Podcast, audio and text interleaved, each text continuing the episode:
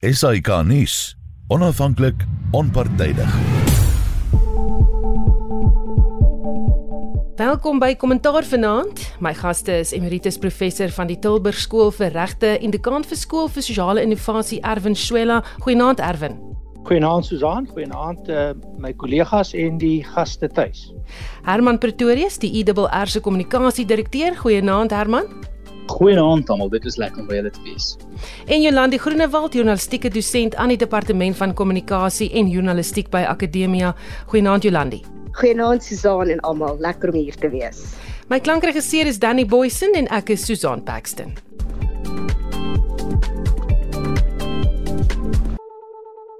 Ons kan nie anders as om vanaand af te skop met internasionale nuus nie. Die wêreld eh, kan mens amper sê is in rou gedompel na die afsterwe van koningin Elisabeth II. Sy is eh, vroeër die week oorlede en soos 'n lid van die publiek dit gestel het, dit voel asof almal se ouma oorlede is. Prins Charles op daardie stadium word toe koning Charles III en daar ontvou nog 'n stuk geskiedenis voor ons oë.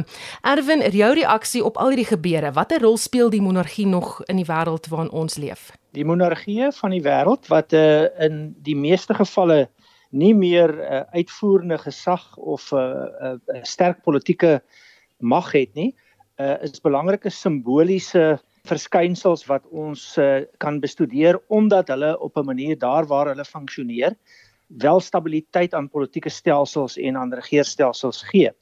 In die geval van die Britse monargie is dit natuurlik 'n baie lang geskiedenis oor 'n honderde jare met uh, ook 'n klomp uh, kom ons sê um, konflikte in die in in die tyd dit het nie altyd gemaklik gegaan nie. Um, ons weet byvoorbeeld dat daar uh, oor baie jare uh, afskeidingsbewegings was onder andere in Skotland dele van die destydse koninkryk het uh, met tyd verdwyn en is nie meer deel van wat nou genoem word die Verenigde Koninkryk nie. En uh, dit het uiteindelik dan nou ook 'n uh, uh, uh, dit is nie 'n monargie met werklike magte en bevoegdhede nie, maar dit het, baie sterk simboliese waarde in die oorgang en as 'n soort van 'n saambindende faktor binne beide die politieke stelsel en in die sosiale stelsel van die Britse gemeenskap. Dit beteken nie dat almal monargisties ingestel is nie.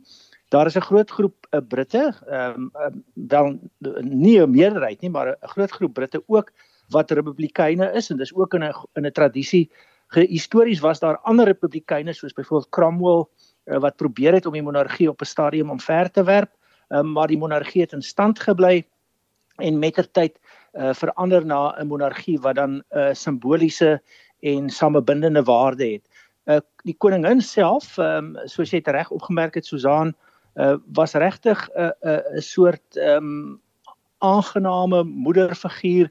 Ehm um, dis my interessant van die simboliek wat nou uh by die verskillende kastele uitspeel is.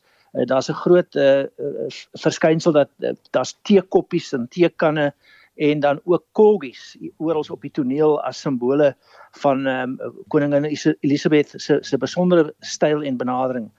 In haar tyd ehm um, het die Britse gemeenebes gegroei maar die stadkundige bedeling wat daar groot koloniale uh die groot koloniale ryk gefunksioneer het, het eintlik verdwyn. En dis ook 'n aanduiding van die gebeure oor die geskiedenis. Ons Suid-Afrika het 'n uh, interessante situasie daar. Uh, uh hier was daar republikeine wat gedurende die uh vryheidsoorloë gestry het of 'n republikeinse republiek. Ehm um, maar uiteindelik het ons in 1910 'n unie geraak van die Britse Empire, dit was maar soos dit genoem was, die Britse ryk en in 1961 onafhanklikheid gekry. Ehm um, en daar was eintlik hier ook 'n groot klomp stryd. Ehm um, ons is nog steeds 'n lid van die Gemeenebes, dit wil sê die Commonwealth en in die verband het ons nog 'n betrokkeheid by die Britse regeringsstelsel. Uh, dis nie 'n sterk binding nie, maar dit is 'n binding wat ons het. Laat ek dan ook net sê dat daar is nie net monargieë in Europa nie. Ons weet mos nou dat ons onlangs 'n oorgang, oorgang gehad het van van een van ons eie monargieë en ons het 'n verskeidenheid monargieë. Ons het uh, onder andere die ehm um, inhuldiging van die Zulu koning gesien. Ehm um, en van tyd tot tyd weet ons ook is daar ander tradisionele leiers wat eintlik ehm um, monargieë het in die Suid-Afrikaanse grondwet en erken word. So dis nie on, so ongewoon om monargieë te hê nie. Verskillende monargieë is meer tradisioneel, ander meer modern, maar ehm um, daar is dis monargieë oor die wêreld en ons het ook 'n raakvlak aan beide die Verenigde Koninkryk se monargie en dan het ons self ons eie monargie. Herman, wat sal die impak wees op ons hier plaaslik? Kyk, um, in in 'n werklikheid sal die impak uh relatief min wees in in terme van die hoofmaatstawwe waar mens maatskaplike of sosiale uh strominge en en en opinies uh kan kan kan raak sien. Maar ek moet sê dit is baie interessant dat beide my ouers was onderdane van koningin Elisabeth. Uh want beide van hulle is gebore voor uh, of of nee, nie beide ja, wel beide van hulle is gebore voor republiekwording in 1960 maar ek kan net om verskoning vra as maar luister maar ek moet sê die interessante kwessie hierso is dat klomp Britte mense sien dit in die journalistieke kring in die afgelope paar dae het die vraag gevra van o gits is nou die tyd nou met 'n nuwe eerste minister na die pandemie inflasie die oorlog in Oekraïne is dit nou die tyd wat mense die stabiliteit van koningin Elisabeth wil verloor? En ek moet sê ek dink wat mense eintlik raak sien is dat die stabiliteit nie so seer gesetel was in haar as persoon nie so populêr as wat sy was. Maar mense kan sien die amper onmiddellike aanvaarding van Charles III as koning is 'n aanduider op daai simboliese staatlike uh, stabiliteit wat 'n monargie wel kan dien en wat dit wel hier kan vervul. En dit is baie interessant, daai die Republiekwording 61 was op 'n referendum gebaseer in 1960 wat deksels nogals naby was as 'n paar as 'n paar duisend mense in KwaZulu-Natal of daai destyds natuurlik Natal gestem het um 'n uh, 'n bietjie anders geswaai dan uh, het het ons nooit republiekwording in 1961 ervaar nie. En dit is een van daai groot wat as historiese gevalle. Is dit moontlik dat die sogenaamde soft power van die gemeenebes van state um, dalk die ergste van petty apartheid in die 60s en die 70s kon kon keer op 'n manier kon ons dalk 'n Botswana rigting gegaan het waar daar in die 60s 'n baie meer 'n uh, uh, uh, toeganklike of onmiddellik nie rassige demokrasie gesetel het en mense sien daarso die um, die die die invloed van die Britse uh, uh ryk en toe later die gemeenebes van state en ek moet sê dit is baie interessant dat een van die groot uh uh suksesse van Elisabeth II se heerskappy was definitief die gemeenebes van state. Dit begin as 'n handjievol state, omtrent 7 van hulle.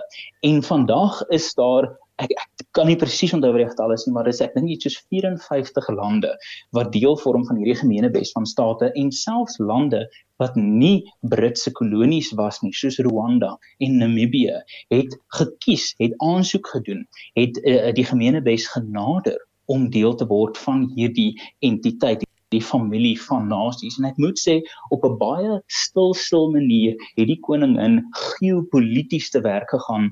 Ek dink uh, wat haar uh, terugskouend een van die mees belangrike politieke geopolitiese figure van die 20ste eeu gaan maak. Mens moenie nou terugkyk op die geskiedenis en dink o, dit sou altyd so gewees het nie. Die eeu waarin sy haar heerskappy begin, begin met meer monargie in Europa as demokrasie en sluit dit af in amper presies die teenoorgestelde proporsie. Nou wat beteken dit vir ons hierso? Ek dink vir my persoonlik is dit altyd as 'n kind van historikus, so vir my is dit altyd nogals iets aandoenlik om te sien hoe 'n tradisie van 'n 1000 jaar terugloop en op 'n manier die simboliek vir die samelewing gee om hulle self weer te kan orienteer. In Suid-Afrika het ons die simbole van die grondwet en die simbole van die vlag maar nie in Brittanje en in die territoriale gebiede uh van die Britse koningshuis is daar hierdie bykomende element en ek moet sê mense kan nie wegkom van 'n staatshoof nie. Alle lande het 'n staatshoof. In Brittanje is daai staatshoof apart van die politiek. In Suid-Afrika en in Amerika met Donald Trump en dalk iemand soos Jacob Zuma sien mense die die die nasionale uh, gevare en en en samehangendheid wat dalk uh jy weet 'n bietjie turbulensie kan ervaar as daai twee rolle van regeringshoof en staatshoof in een persoon setel en ek dink ja. dit is vir ons 'n nuttige herinnering om te besluit waar sit Suid-Afrika se verenigende simbole Ja, natuurlik 'n groot geskiedkundige oomblik. Die EFF Jolande is nie hartseer oor haar afsterwe nie. Hulle sê sy verteenwoordig niks goeds nie. Ja, die EFF en nog 'n klomp republikeine reg oor die wêreld en ook in Brittanje is daar die wat die woord parasiete gereeld gebruik as hulle van die koningshuis praat. En ja, daar is 'n rit skandes in die koningshuis en mense vra is daar nog plek vir 'n monarg in 'n uh, baie veranderde Brittanje. Die Brittanje van selfs 50 jaar gelede uh van 'n Margaret Thatcher van ehm um, net na die oorlog waar al die veranderinge plaasgevind het, is baie anders as wat ons vandag sien. So dit is verandering en dit was nogal snaaks ek hierdie week dat Liz Truss oorgeneem het en 'n dag omtrent na haar oorneem is die koningin oorlede en so saam met Liz Truss het Charles III dan ook ingetree. So mense vra wat is die toekoms van die koninklikes? Kan ehm um, is die EFF en die ander republikeine gelyk sê hulle dit is die begin van die einde. Uh ek dink die monargie gaan egter nog nie oornag nie of nie eers in die volgende dekades vir uh verbreek nie. Dit gaan nog waarskynlik ewe met ons wees. En Charles III met al sy foute en al die skandale is nou die hoof en ek dink sover doen hy nie sleg nie. Die sy eerste toespraak was heel skaflik geweest. Maar dit is waarskynlik die huis van Windsor onder die volgende troonopvolger William waar daar die meeste veranderinge gaan wees en nie oor Charles III nie. Jy het nou verwys na Liz Truss, sy is die week aangewys as die Britse eerste minister. Truss is Brittanje se 15de eerste minister en die 4de net 6 jaar en sy staan nou aan die hoof van 'n verdeelde Tory party na die bedanking van haar voorganger na 'n reeks skandale Boris Johnson. Jolandi terwyl jy aan die woord is, wat is jou indrukke van haar? Sy is baie interessant. Ehm um, ek dink Max de Pre het hierdie week gesê sy is so karismaties soos 'n nat straatduif, maar daar's ook 'n ander uh, kant van Liz Truss wat sy's 'n vuurvreter, maar vir watter kwessie haar geur van die maand is en niemand kan nooit seker wees wat dit regtig gaan wees nie. Sy word wyd beskou as iets van 'n politieke verkleurmannetjie wat verander van 'n radikale republikein, kan jy dit glo, wat die monargie wil afskaaf na konservatiewe wat eintlik Brexit pro is, maar ook nie Brexit pro is nie. Niemand weet nie.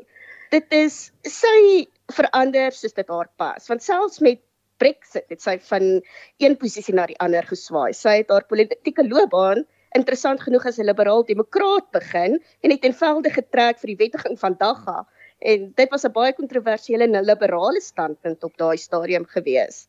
En nou is sy een van die groot konservatiewes wat meer konservatief is in haar party. So sy pas aan soos dit haar pas. Susan, as ek daar dalk mag mag mag bykom. Ek dink dit is dalk 'n bietjie onregverdige lees van Truss se politieke reis tot dusver. Mens moet erken dat die konservatiewe party die oudste politieke party in moderne demokrasie verskeie uh, faksies ook binne hom het en daar is die konservatiewe uh, uh uh jy weet jou tradisionele klein lettertjie K konservatiewe faksie maar dan is daar ook wat mense kan dink die klassiek liberale faksie binne die konservatiewe party. Mense soos Steve Baker en mense soos Liz Truss. Mense kan sê ja op van die kwessies dit se gaan van van 'n republikein na 'n monargus van 'n remainer na 'n brexiteer maar as mense bietjie dieper gaan kyk na haar uh, kernfilosofie. Sien mens dat dit waar die liberale demokrate party 20 30 jaar gelede was is waar die klassiek liberale vleuel van die konservatiewe party vandag is. Mens moet versigtig wees nie net om te kyk na watter partybaadjie sy dra nie, maar of haar ideologie verander het en of die ideologiese spektrum rondom haar verander het. Haar tydperk as uh, minister vir buitelandse sake kom na verskillende posisies wat sy in die kabinet gehou het, onder andere minister van justisie.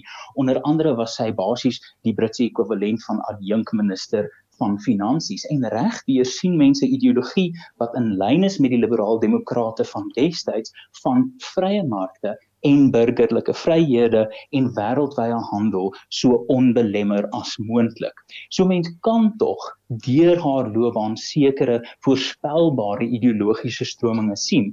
En dit was baie interessant om haar eerste uh prime minister's questions waar sy uh in die, in die House of Commons natuurlik vra deur uh van, van die huis af moet antwoord, het sy vir die eerste keer wat ek kan uh, agterkom sedert Margaret Thatcher 'n behoorlike ideologiese verduideliking gegee vir haar belastingbeleid. Boris Johnson was baie meer oor jy weet die uh die teater element van politiek hoe mense voel, hoe mense hom sien. Voor dit het ons Theresa May gehad met haar amper robotiese pragmatisme voor dit David Cameron met sy amper 'n eh, paternalistiese klassiek liberalisme en dan moet mens teruggaan verby Major reg na Margaret Thatcher waar jy 'n Britse eerste minister van die konservatiewe party sien om in die huis van verteenwoordigers die laerhuis van die parlement haar ideologiese redes te gee vir haar standpunt op belasting. Erwin, wat gaan haar grootste uitdagings wees en sal sy die taak kan verrig? Wel die grootste uitdaging is om te oorleef uh, binne die konservatiewe party en seker te maak dat die konservatiewe party die volgende verkiesing wen. Um, ons weet dat uh, meneer Trump met sy besondere aanslag um, een van die grootste Tory oorwinnings uh, bewerkstellig het in die in die, die verkiesing waarna hy dan nou die die mag oorgeneem het. Ehm um, dit is ook so ehm um, Herman is heeltemal reg. Die uh, die ideologiese skuif is uh, in die rigting van liberaal demokrasie as mens gaan kyk na haar beleidsrigtinge is dit tipies die party wat dan nou onder haar leiding as sy die uh, die hefbome van mag hanteer gaan skuif waarskynlik na 'n groter markoriëntasie. Ehm um, Brexit dink ek sal sy nie weer aanpak nie. Ehm um, sy is nou waarskynlik uh, ingebed in die feit dat Brexit plaasgevind het. Ehm um, maar baie sterker verhoudinge ehm um, met met Europa binne die Brexit konteks ehm um, baie sterk gerig daarop om ehm um, byvoorbeeld eh, die mark te stimuleer en ehm um, met belastings ehm um, en ander forme van monetêre en fiskale beleid eintlik uh, dan nou 'n uh, 'n uh, stelsel te skep waar daar minder staatsbetrokkenheid is ehm um, en dit uiteindelik dan te gebruik om ekonomiese groei te bewerkstellig. Dis alles deel van die uh kom ons sê die politieke ekonomie van die liberaal demokratiese uh, aspekte die die die die konservatiewe partye in, in Brittanje uh, as 'n mens gaan kyk na die samestelling is 'n baie diverse party. Dit dit het natuurlik nog steeds daai uh, besondere um, kom ons sê kenmerke van 'n van 'n 'n middelklas en 'n hoër middelklas party maar is ook 'n baie diverse party. Um, as mens net kyk uh, hoe, hoe, hoe lyk die verteenwoordiging en uh, sy modelleer haar klaar blyk ek op hierdie stadium ten minste van wat 'n mens nou kan sien weer eens simbolies so op uh, op 'n manier op mevrou Thatcher se se benadering. Ehm um, maar soos ek reeds gesê het dit beteken nie dat sy nie ehm um, 'n klomp uitdagings het nie. Ehm um, ons kan nou uh, kortliks verwys na die manier waarop 'n uh, waarop 'n koning aangewys word. Ehm um, die konings het gesterf, lank lewe die koning. Maar in die Britse stelsel is dit ook interessant om te kyk hoe hoe eerste minister of die die die die die, die regeringshoof aangestel word. En dit is uiteindelik omdat hulle 'n bepaalde kiesstelsel is, het ehm um, het die konservatiewe party die meerderheid in die parlement en hulle het dan 'n proses wat uiteindelik ehm um, die die nuwe eerste minister legitimeer maar dan onmiddellik begin die opvolgstryd vir wie haar gaan uitdaag binne die party en tweedens of die party met haar en of 'n nuwe uitdager die volgende verkiesing kan tegemoet kan. So haar grootste uitdaging is is om om haar steun binne die party te konsolideer en daarvan na vorentoe te gaan en die volgende algemene verkiesing suksesvol as 'n leier te hanteer en daar gaan nog baie water in die see loop want ehm um, soos uh, dikwels gesê word in veral in die Britse politiek is dit baie duidelik daar sit die oppositie oorkant jou ook in die vraatyd in die parlement maar jou ja. regte vyande is agter jou rug en Boris Johnson dink ek het nog politieke aspirasies uh soos sy tydgenoot uh Donald Trump. Daar sê hy, ek gaan nou eh, terugbeweeg na nuus toe hier op eie bodem en 'n groot nuus hier is dat die beleerde openbare beskermer advokaat Bosisiwe Mqobani se skorsing deur president Cyril Ramaphosa as ongeldig verklaar is deur die Kaapstadse Hooggeregshof. Dit verander nou niks in haar status voor dit nie in die konstitusionele hof bevestig word nie. Herman ek skat haar regspan haas nou na die konstitusionele hof toe. Inderdaad, kyk, um, ons moet wel ons moet, maar ek dink dit is soms nuttig om te verstaan waar Bosisiwe Mkhwebane vandaan kom uit die faksionele beleiding van die ANC. Hierdie is iemand wat nogals um, as mens gaan kyk na haar gedrag in haar amp as openbare beskermer, maar ook voor die tyd wie haar gesteun het om daai ampt te beklee, was dit die Zumaite van die meerderheid binne die parlementêre kokes van die ANC. So dan kyk mens na die Stalingrad strategie wat um oud-president Zuma dalk al vervolmaak het tot 'n regstrategie. Is jy vind fout met elke liewe regsgeding waar jy kan en jy veg dit in elke hof tot jou beskikking. Maar hier het ons nou 'n interessante situasie waar die onlangs hof uitspraak Mqobane nie meer op die agtervoet op die verdediging het nie, maar haar 'n geleentheid gee om die om 'n bietjie die inisiatief te neem en op die aanval te gaan agter president Ramaphosa. Nou ek moet sê president Ramaphosa het dalk baie dinge wat vir hom tel en ek is seker eendag sal ons nog uitvind wat dit is, maar een van die kwessies wat mense nie president Ramaphosa van kan beskuldig nie, is politieke um vernyn of vlugvoetigheid 'n soort van 'n Machiavelliaanse idee van hoe om die politieke spel te speel. Dit ontbreek tragies want hy het nogals lompvoetig in situasies waar hy nie 'n fout hoef te gemaak het nie, 'n fout gemaak en mens kan nie anders as om die uh, ontheffing van Bosisiwe Mkhwebane uit haar amp. Mens kan nie regtig die president daarvan kwytskel dat hy nie sy Pala Pala skandaal in gedagte gehad het nie. Nou van sy proponente mag sê hy het nie, maar dan sal mens van 'n politieke uh, uh, van van 'n politikus en 'n politieke span rondom so 'n leier verwag om te dink my mags is dit nou tot ons voordeel gaan dit ons politieke kapitaal in die toekoms dalk vergoedkoop as ons nou optrede neem of 'n besluit neem soos om die openbare beskermer uit die ampt te hef wanneer sy op die drempel is van 'n ondersoek loods teen my die president wat daar nou kan uit die amp hef. Dit dit hmm. spreek op 'n manier van ek dink 'n tekort aan politieke insig en taktiese insig van Maposa af. Nou, die DA het reeds gesê hy gaan die bevindinge appeleer. Jolandi, hoekom is hierdie uitspraak so belangrik? Wat gaan dit doen in haar situasie nou dink jy? Ek dink sy's steeds op die afdraande pad en die hofuitspraak is maar net 'n hobbel wat die prosesse bietjie gebreek het. Ehm um, in die uh, parlement is hy nog steeds besig om ondervra te word en ondersoek te word en daar is weekliks skandes wat daar uitkom. Die nuutste is die duur regskoste terwyl sy in die openbare beskermer se kantoor was wat al die sake teen haar en dis geloop glo 147 miljoen alhoewel sy ontken dat dit uh, dat dit soveel was. En dit gaan nie weggaan nie en dit word net meer verneig in die parlement elke keer. Ek dink die groter prentjie sê dat sy op die ou einde sal moet gaan. Maar dit is ehm um, soos uitgelig 'n stellingrad om dit te vertraag en die brieke aan te draai totdat sy wel die kantoor finaal moet verlaat. Erwin, die een en weer oor haar skorsing in die ondersoek in die parlement, wat sê dit van ons demokrasie? Eh, ja, daaroor kan 'n mens dan nou eh, 'n uh, aantal genuanceerde menings hê.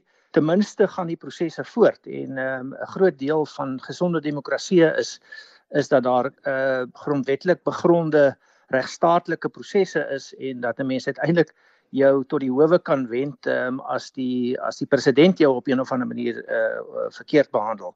En nou dit is interessant dat ehm um, um, in die Suid-Afrikaanse geskiedenis dink ek het ons een openbare beskerm gehad, gehad en ek dink dit is uh, professor Tuli Madonsela, maar ons het 'n klomp partybeskermers gehad vanaf Lawrence Mushwana en 'n hele geskiedenis daarvan.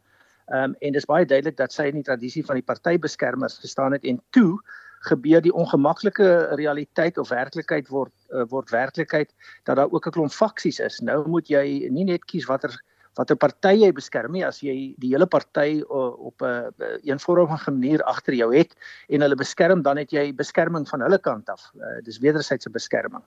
Maar as daar nou faksies is, dan begin hierdie hele ding baie ingewikkeld raak en dis wat haar getref het en wat sy waarskynlik nie is nie alle alle getuienis op hierdie stadium dui daarop is dat sy nie 'n baie sterk regsgeleerde is nie. Ehm um, mense weet nou nie by watter regsfakulteit sy haar kwalifikasies verwerf het nie, maar hoe dit ook al sê, ehm um, sy uh, kom uit 'n intelligensie agtergrond uh, wat dalk 'n uh, uh, bietjie van 'n kontradiksie in terme is. Ehm um, en in elk geval ehm um, het sy 'n uh, klomp regsaake al verloor hierdie een is die uh een wat uh, so in 'n klompie strooppotte ehm um, uh nou daarom vir haar 'n paar punte gee. Ehm um, maar dit sal nie onbetwis word nie en interessant genoeg is ook interessant dat dit uit die Kaapse Hooggeregshof uitkom. Uh dit wil lyk asof die Kaapse Hooggeregshof uh ook uh, interessante dinamika het. Ek het nie die uitspraak nog gesien nie, ek sal dit graag wil sien. Ehm um, wanneer dit wanneer dit uh iewers op skrif beskikbaar is, maar onmiddellik is daar 'n 'n vorm van ehm um, alternatiewe regsmenings en daar is 'n artikel in die grondwet wat sê dat as enige iets gedoen word deur 'n deur 'n hoë hof ehm um, wat uh, die president raak, moet dit outomaties eers vir hersiening na die grondwetlike hof toe gaan. Dit sal nou ook in dispuut geplaas word. Ehm um, dit is alles 'n uh, aanduiding van die ehm um, misbruik van grondwetlike beginsels ehm um, en die regstaatlikheid deur mense wat dit op een of ander manier uh as dit ware uh, vervorm en omvorm om te probeer om hulle eie uh, belange te dien. Ehm um, ek is ook redelik oortuig daarvan dat sy op die medium en die langtermyn omdat sy nie meer politieke beskerming het nie en tweedens omdat ek dink die regstaatlikheid wel 'n soort outomatiese kentering teweegbring. Die howe is is besondere dinamiese instellings waar daar voortdurende kruis kontroles is en waar daar 'n uh, hoër beroep en appelle is. Dit neem dan lank, maar my vermoede is ook dat sy op die op die lange duur nie hierdie ehm um, situasie gaan ontkom nie. En laastens, ek dink in die parlementêre proses is daar aanduidings dat haar advokaat ehm um, ehm um, advokaat Dalim Polfu dat hy eintlik speel vir tyd en kyk of hy aan nie kan kyk by 'n punt waar hy um, so min of meer aan die einde van 'n termyn is wat nie meer te lank moet duur nie. Dis 'n 7 jaar termyn en dan kan sy rustig gaan nie, maar ek dink dit gaan ook heeltemal werk nie. My gaste vanaand is emeritus professor van die Tilburg Skool vir Regte en dekaan Skool vir Sosiale Innovasie Erwin Schwela, Herman Pretorius die IRR se kommunikasiedirekteur en natuurlik Jolandi Groenewald, journalistieke dosent aan die departement van kommunikasie en journalistiek by Akademia. Jy luister na kommentaar. My naam is Susan Paxton. Kom ons gesels oor beerdkrag want ons kan nie nie iets sê nie. Ons het nie sommer net fase 2 gehad en toe geleidelik opgewerk na fase 3 nie. Sommer fase 2 toe vinnig 3 en toe sommer na 4 toe. Um, um, Herman dui dit op die benarde situasie waarin Eskom homself bevind. Absoluut. En ek moet sê dit is nogals baie fascinerend om dalk verby die die kwessie van beurtkrag te kyk want dit is amper so dat die Suid-Afrikaner uh, jy weet skandaal immuun raak. Ons praat baie van soort van hierdie entstof en daai entstof, maar na 10 jaar van of meer as 10 jaar van beurtkrag is het mens amper 'n uh, uh, entstof daarteen gekry waar ons rol maar net ons oë en ons dink ag weet jy Eskom is dom. So die kwessie wat mense regtig na gaan kyk om te sien hoe diep is hierdie probleme is dalk nie die vinnige eskalering nie maar die beskikbaarheidsfaktor oor die afgelope 10 of so jaar by Eskom waar daar 'n stelselmatige afname is in die kapasiteit van Eskom om krag op te wek en te versprei. Baie mense, veral die politieke uh, uh, spanlede van mense soos Brian Molefe sal sê nie man dat onder meneer Molefe se termyn by Eskom was daar minder weerkrag as onder meneer De Ruyter en so aan. Maar die kwessie is mense moet eintlik gaan sien waar het die kragtes vandaan gekom want daar is 'n onteenseglike aanduiding van 'n afwaartse tendens in die beskikbaarheidskapasiteit van krag by Eskom. So die die die kwessie van Eskom se onstabiliteit is werklik waar nogals 'n uitdaging in Suid-Afrika. Ons sien in Europa dat wanneer dit winter raak, is dit is is die energiekrisis 'n uh, 'n uh, hoë prioriteit en ook 'n uh, hoë risiko. In Suid-Afrika kan ons amper die teenoorgestelde sê wanneer ons in die somer inbeweeg en klomp besighede en fabrieke en industriële gebiede soos inkopiesentrums, lughawens en so aan moet beweeg in die rigting van elektroniese uh beheer van die temperatuur, dan raak dit 'n kwessie van sorg. Nou wanneer mens oor naweke soos nou in die afgelope paar dae waar ons nog nie regtig besonder hoë temperature in Suid-Afrika gesien het nie, waar die hitte nou eers begin kopwys en dalk nog 'n bietjie later gaan begin dans, maar Eskom nie eers onder hierdie omstandighede kan sorg dat die krag aanhou vloei nie, moet mens bekommerd raak. Nou meneer De Ruyter het dalk die die die brownie punte wat hy kan sê hy kry Eskom se skuldlas onder beheer, maar ek vir een verwag van Eskom 'n baie beter verduideliking, 'n amper 'n audit van hulle infrastruktuur, want ons kan tot die koeie begin fluit en die varke begin dans hoor van hierdie kragstasie het nou weer daai oorgekom en dit, maar ons kort 'n behoorlike infrastruktuur audit om te besef wat is die vooruitsig van hierdie infrastruktuur kwessies as hulle sê dit is die konstante rede vir hierdie onderbrekings. Jolande, hoe sleg is hierdie nie net vir die land en die ekonomie nie, maar vir die moraal van Suid-Afrikaners tans? Ja, maar mense het ook maar immuun geword teen nog 'n fase 4, nog een wat aangekondig word en die nasie gaan maar aan ten spyte van wat eintlik baie sleg is want ons het die immuniteit nou opgebou. Die vraag is wanneer gaan dit ophou en ons sit met die gebakte pere van 'n dekade van uh wanadministrasie en ek weet nie of dit selfs oor 2 jaar sal regkom nie. En ek stem heeltemal saam dat Eskom moet oop kaarte speel oor presies wat is fout by elke kragstasie, wat gaan aan, wat is die hekkies wat oorbrug moet word om te uh om hierdie kragstasie weer op volle vaart te kry. Ek dink dit sal baie mense se moreel net help om te weet presies wat is verkeerd en hoe gaan ons dit regkry. Die padkaart na om weer Eskom reg te kry as dit so kan gebeur. Ek weet ehm um, uh Andre de Ruyter het nou al baie keer gesê ek dink dis oor 2 jaar weerkrag gaan nog aan aanhou 2 tot 3 jaar om die uh die probleme by die verskillende kragstasies reg te kry. Maar dit is baie vaag en ek dink dit is uh, van groot waarde om eerder meer spesifieke probleme aan te spreek en te weet presies wat gedoen moet word om Eskom weer op die pad te kry. Erwin, is die regering besig om opsetlik die proses om die kragverskaffer regterlik te vertraag weens politieke redes en die rooi ligte wat nou al harder flikker te ignoreer? Ek dink ons moet begin deur te sê dat uh, die, die die die die vraag wat ek vra is hoe lank is dit voordat die die stelsel so uitgedun raak en totaal rammelrig funksioneer en uiteindelik heeltemal tot stilstand kom. Nou dan het ons 'n 'n ramp van ehm um, eksponensiële proporsies. Uh die beerdkrag siklusse kos ons al miljarde rande. So die deurgee effek van al daardie ehm um, swak onderhoud Ehm um, ons het eintlik hier 'n 'n baie ouerige uh, model motor wat totaal tegnologies uh, nie meer gangbaar is nie en nie behoorlik gediens word nie. Nou op 'n dag dan breek hy die betrokke voertuig net heeltemal. En as ons daai uh, rampspoedige situasie uh, uiteindelik het, nou ja, dan uh, gaan ons in 'n in 'n in meer as net 'n elektrisiteitsdonker, maar in 'n in 'n ekonomiese nagmerrie in. Ehm um, en dit is die dit is die sameloop van 'n hele aantal tendense. Ehm um, die die energietegnologie in die wêreld het het verander. Dit is moontlik om um, op baie meer gesofistikeerde maniere en op gedesentraliseerde wyse en met 'n vorm van selfsorg ehm um, die energiekwessies aan te hmm. spreek. Uh dit is so byvoorbeeld dat die stad München met minder sonskyn dae ehm um, in in in uh in 'n jaar as wat die stad Londen en ons dink almal in die stad Londen skyn die son maar min.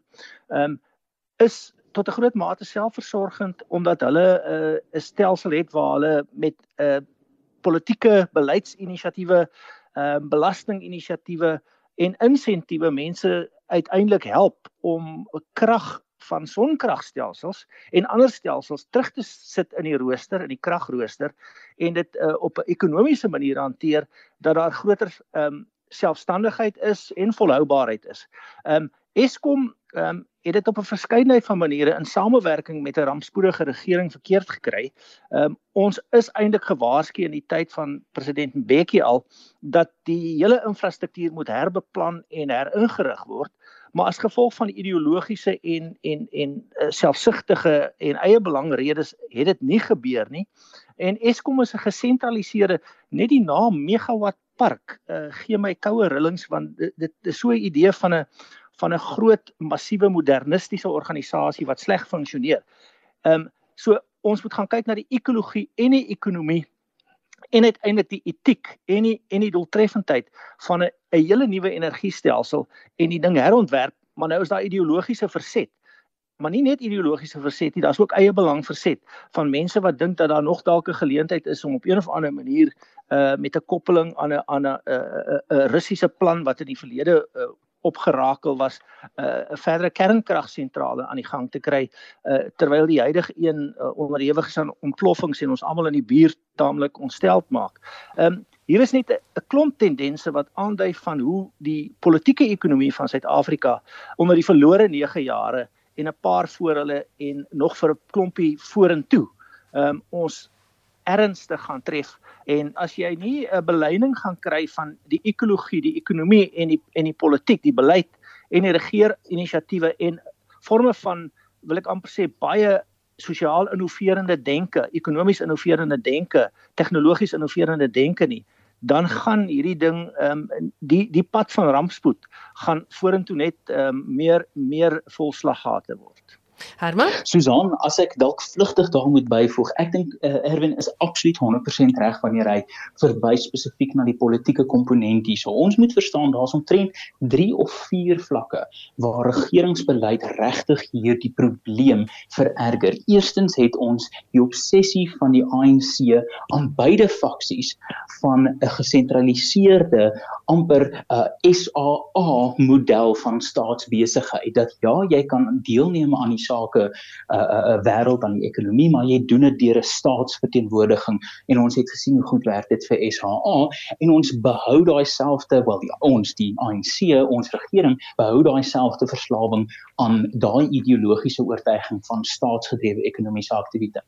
Die tweede kwessie is natuurlik kaderontplooiing en swart ekonomiese bemagtiging wat gelei het daartoe dat jy nie werklik 'n swart ekonomiese bewegings uh, uh, bemagtigingsbewegings sien waar swart werkloosheid um afneem oor die 15 of so jaar van die beleid nie maar waar regerings maatjies en baantjies en boeties eenvoudig kontrak na kontrak na kontrak kry vir dienslewering vir albei dienste vir soos uh, vir, vir entiteite soos Eskom plus dan nog die dubbelvloek van kaderontplooiing waar mense wat eenvoudig nie gepas is vir werk en nie werk kry as gevolg van hulle politieke koneksies dan nog die probleem van arbeidswetgewing wat nie hervorm kan word nie wat sorg dat ons land se oorhoofse produktiwiteits uh, uh, uitsette ongelooflik laag is eenvoudig omdat daar so min hef in die hand is vir nie uh, vir mense wat dink my maggies kom ons het eerder konstruktiewe arbeidsgesprekke en kom ons maak eerder seker dat ons die produksielyn aan die gang kan hou. Nie en dan die laaste kwessie is die regering se absolute allergie se se se uh, se skokallergie, se anafilaktiese afweer in 'n markekonomie oplossing. Erwin praat reg van die desentralisering tegnologie. Dit is 'n absolute skreiende skande dat ons 2 jaar gelede reeds die regering, die kabinet die besluit geneem het dat onafhanklike kragopwekking op 'n industriële skaal kan gebeur, maar dat minister Mantashe nog steeds sloer wanneer dit kom by die toestemming vir individuele gevalle dat dit gebeur nie. Dit is 'n onnodige, onpraktiese ideologiese tekort aan denke wat kreatiewe oplossings hier vny.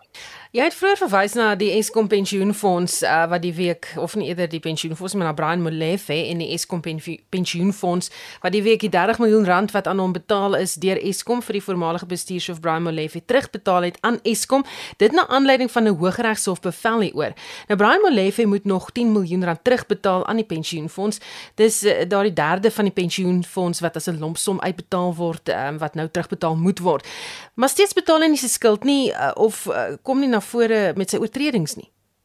Ek dink dit is omdat die kultuur van aanspreeklikheid van gevolge van oppergesag van die gereg nie om wie hy is nie een totaal en al ontbreek.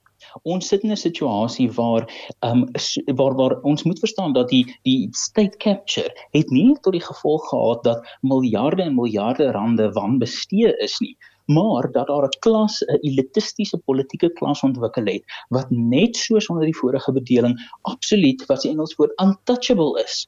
Hulle kan eenvoudig nie hulle self minder steur aan wat die wet hulle sê nie want hulle word beskerm tot in die einde 'n uh, faktor. En ek dink meneer Molefe weet dat hy is so 'n prominente lid van die faksionele spanning tussen die twee faksies binne die ANC dat as meneer Magashule daarmee kan wegkom, as meneer Zuma daarmee kan wegkom, as meneer Yengeni van destyds daarmee kan wegkom, as Shabir Sheikh die rekord kan hou vir die langslewende terminaal sieke pasiënt, hoekom op dese aarde sal hy enige aanspreeklikheidsdruk voel om op te tree in lyn met wat die heersende gesag vir hom sê? Jolandi, wat is jou gevoel, sal die geld ooit verhaal word? Ek dink uh, meneer Molefe sal enige taktik gebruik om nie die geld te betaal nie. Uh enige iets as jy vir hom die puntjie gee met 'n hofbeslissing, soos ek dink in Julie was daar die hofbeslissing wat op 'n vroeëre hofbeslissing was wat gesê het hy moet nou die geld terugbetaal. En toe gaan appeleer hy nou teen daardie hofbeslissing, net weer 'n appel ingesit. Daar is nie eintlik 'n kans dat daai appel kan slaag nie, maar die appel is ingedien en daarom is dit weer 'n stellingrad taktik van uitstel en uitstel. En dit is hoekom hy sê hy nou nie nog nie die 10 miljoen terugbetaal het wat aan hom uitbetaal is deur die pensioenfonds nie, want daar is 'n appel wat hangend is. En so gaan ons aan en aan met die wiel en daar is glad nie aanspreeklikheid nie. Elke keer as iemand sê nou maar hoekom is die geld nie terugbetaal nie? Ek het geappeleer. Erwin, jou gevoel oor hierdie gebeure? Wel, meneer Molefe is intussen gearresteer en in die hof.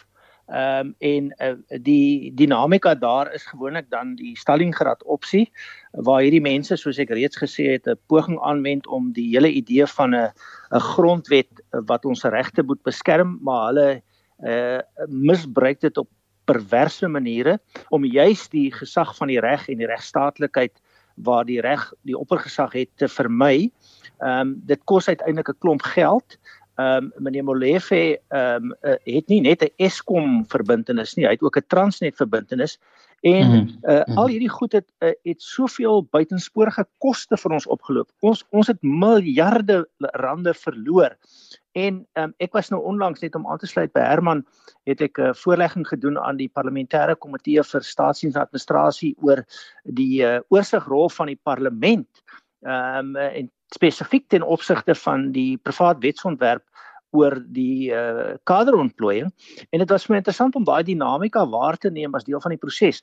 Ehm um, die hoofregter het gesê hy is bekommerd of die parlement uh, hulle oorsigrol nou gaan ernstig oorneem. My aanvoeling in die dag se optrede was dat uh, al vier die die die kundigheidsgetuies was uh, was eintlik ehm um, ten gunste daarvan. Uh, wel eintlik het gesê dat dat kaderontplooiing is 'n groot probleem. En dan uiteindelik as jy in die dinamika opgeneem raak, dan kom jy na die einde van die 4 uur sessie, dan sê die voorsitter, kyk, um, ons kan sien al die kundiges is nou eintlik uh, hier aan die aan, aan die kant van die mense wat die wetsontwerp vir 'n meer doeltreffende stasies ingestel het. Maar dan stadig maar seker dan kom hier so 'n paar uh, LPs en sê ja, maar ons dink nou nie dis so 'n goeie idee nie en en en het dan sulke kwaksalwer argumente. En, en, en die parlement speel nie 'n behoorlike rol hier nie. Meneer Molefe het 'n is daarom nou in die hof, maar ons kan ook verwag uh, soos Jolande ook gesê het dat hy elke taktik gaan gebruik om uit die tronk uit te bly en om nie geld terug te betaal nie. Ehm um, um, en die alternatief is ongelukkig ook 'n kwessie want ons kan mos nou nie ons grondwet opskort nie, maar ons sal baie definitief moet gaan kyk hoe funksioneer hierdie goed uh, dat daar in alle opsigte 'n wil begin kom dat ons hierdie mense wat ons wat ons beroof en besteel ehm um, ehm um, dat ons hulle op 'n manier aanspreek hou. Herman, ehm um, Erwin het nou verwys na hoofregter Raymond Zondo se stelling die afgelope week dat hy nie vertroue het in die parlement se vermoë om nog 'n Gupta staatskaping in die toekoms te kan verhoed nie. Dit het byvoorbeeld ook nie goed afgegaan onder die lede van die parlement nie en van die regerende party nie. Sê my saam of is hy bevooroordeel? Weet jy regter Zondo is ek dink heeltemal korrek. En en dis dis in hierdie opsig is hy korrek, maar ek moet sê daar's so 'n paar interessante en ek dink on um onwyse besluite of of voorstelle wat hy maak in sy finale Zondo kommissie verslag. Um onder andere dat daar uh, gekanning moet word aan hoe die president verkies word, dat die president direk deur die burgers verkies moet word, amper soos 'n Franse of Amerikaanse stelsel, eerder as die Westminster parlementêre stelsel wat ons 'n nalatiging of of of 'n of 'n afstammeling van is waar jy verkies die parlement en die parlement verkies dan die eerste minister of president. Nou die probleem met daai voorstel is dat dit geïmmuniseer dalk nog die die die uitvoerende mag nog verder want nou is dit nie meer 'n kwessie dat hierdie uh, president hy um, sy mandaat of haar mandaat kry by 'n parlement wat dan daai mandaat kan herroep deur 'n mosie van wantroue nie maar dat daai mandaat ontstaan uit die burger en dat die burger die korrekte plek is om te gaan vir die uh, bestuiting of aanhouding van daai mandaat. Maar wanneer dit kom by die 'n oorsigrol van die parlement is regter Zondo absoluut reg. Hier sit ons met 'n situasie wat amper met die uittreeslag van ons nuwe grondwetlike bestel alreeds 'n bietjie van die die die ware noord af begin gaan het met die regering van nasionale eenheid wat ek dink 'n baie in baie opsigte 'n positiewe ontwikkeling was maar dit het in die intrapslag parlementêre oorsig vir goedkoop en verminder. Dan sien mens dit nog erger onder die Mbeki regering waar selfs die Mbeki ag waar selfs waar selfs die ANC caucus in die parlement deur president Mbeki hanteer is as jy weet bietjie meer van 'n formaliteit as 'n werklike oorsigliggaam. Dan beweeg ons aan na Zuma, ehm um, of of eintlik meneer Moglanthe, dan Zuma, dan Ramaphosa. So stelselmatig sien ons dat van 'n baie baie lae basis beweeg die tande en die oorsigrol van die parlement agteruit en ek dink daar is die onderwerp van hervorming van die kiesstelsel van parlementslede, nie president nie, die oplossing. En ek hmm. dink 'n wijkstelsel, 'n hibriede stelsel kan daai weer op die tafel sit as 'n oplossing. Jolandi, die laaste woord daaroor behoort aan jou. Jy het so 'n minuut, moes die parlement dit hoor. Ek dink die parlement moes dit beslis gehoor het. Hulle kan onverantwoordig wees oor sonde dit gesê het, maar ehm um, dit is treffend en dit is in die kol. Dis 'n uh, Zondo is steeds bekommerd dat die ANC sy mag misbruik om ware verantwoordelikheid te ontsnap en hulle hou nie die lede verantwoordelik vir hulle vergrype nie. En ons kan dit weer sien met wat verlede week met Pala Pala gebeur het. Die ANC se meerderheid het, het hulle meerderheid gebruik om Ramaphosa te beskerm van moeilike vrae en om regtig verantwoording te doen van wat by Pala Pala aangegaan het. So die vraag is gaan die spreker uh, Nosisiwe Mapusa Nkakula aanhou om die president te beskerm in die uh, in die toekoms in die week wat kom. Presies dit waarteen Zondo gewaarsku het. Uh, dit lyk nie asof die parlement verontwaardig raak oor die verkeerde um onderwerpe wat hulle moet aanspreek. So Zondo se uitlating in plaas daarvan om op die ware sake te hmm. fokus waar hulle wel 'n verskil kan maak. Baie dankie. Dit was die stem van Jolande Groenewald, journalistieke dosent aan die departement van kommunikasie en journalistiek by Akademia. Ons het ook geluister na emeritus professor van die Tilburg Skool vir Regte en dekaan skool vir sosiale innovasie Erwin Schuela en Herman Pretorius, die IWR se kommunikasiedirekteur. My klankregisseur was Danny Boysen. Ek is Susan Paxton. Onthou môreoggend en middag Monitor en Spectrum sou ons regstreeks uit van die Ograbies Waterval Nasionale Park as deel van Sanparke Week. Moenie dit misloop.